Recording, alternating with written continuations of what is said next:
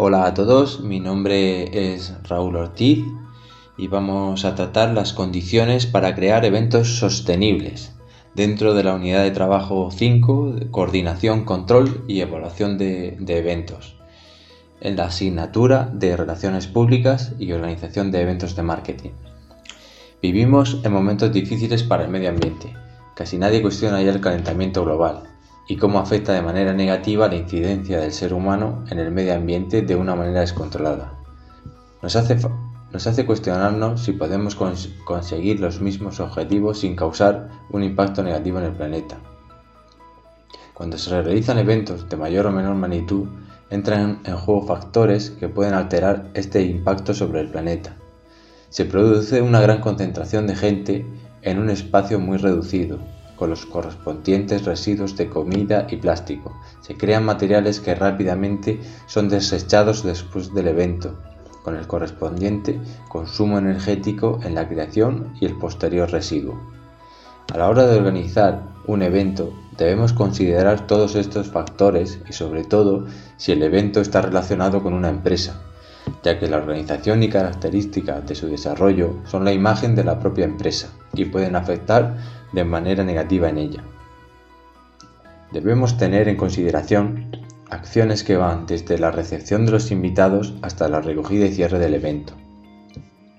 Vamos a abordar los que para mí son los que causan un mayor impacto, el desplazamiento, la recepción de los asistentes, la comida y los residuos.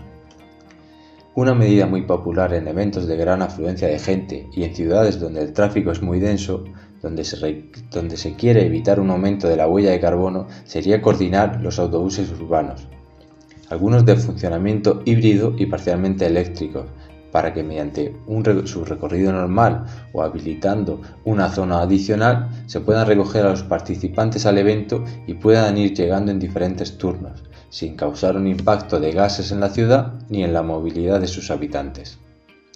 Otra opción sería pactar con el ayuntamiento el alquiler de bicis urbanas, para que los asistentes tuvieran la facilidad de alquilar bicis y llegar al evento de otra alternativa. Este tipo de bicis están presentes en la mayoría de ciudades y forman parte de una iniciativa europea, con la que puedes alquilar tu bici en un punto y dejarla en aparcamientos próximos al evento. Existe una aplicación donde te informa si hay o no bicis disponibles cerca de tu ubicación.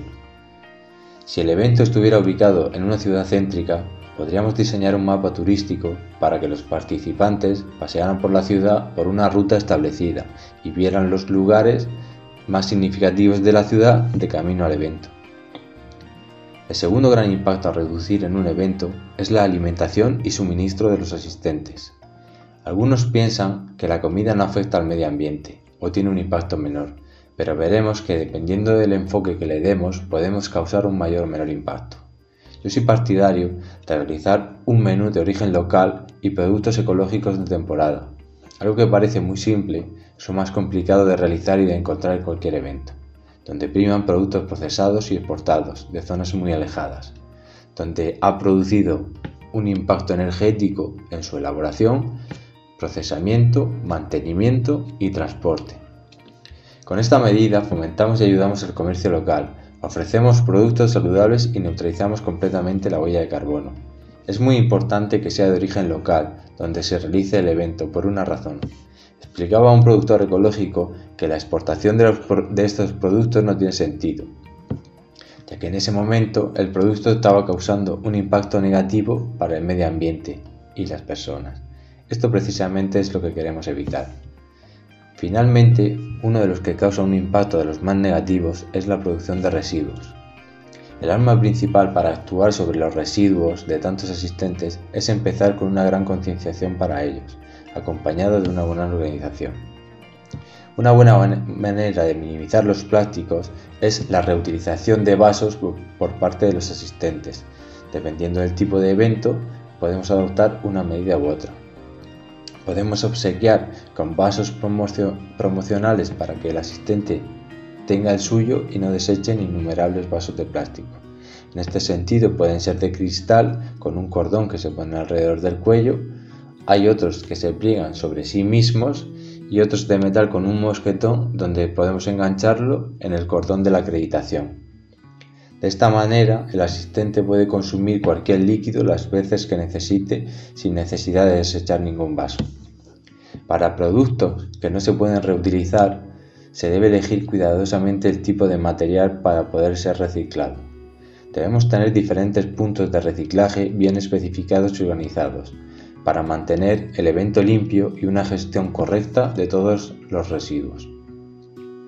Considero que los tres puntos abordados son los más importantes para causar un menor impacto de medio ambiente en la organización de eventos.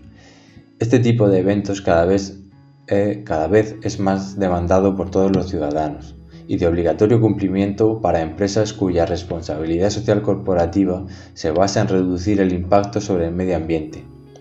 Personalmente creo que vamos tarde, pero más vale tarde que nunca. Nos, movemos a volantazos al ver que la dirección de las medidas realizadas por la explotación económica nos lleva por un camino donde quizá nuestro modelo de negocio no tenga futuro.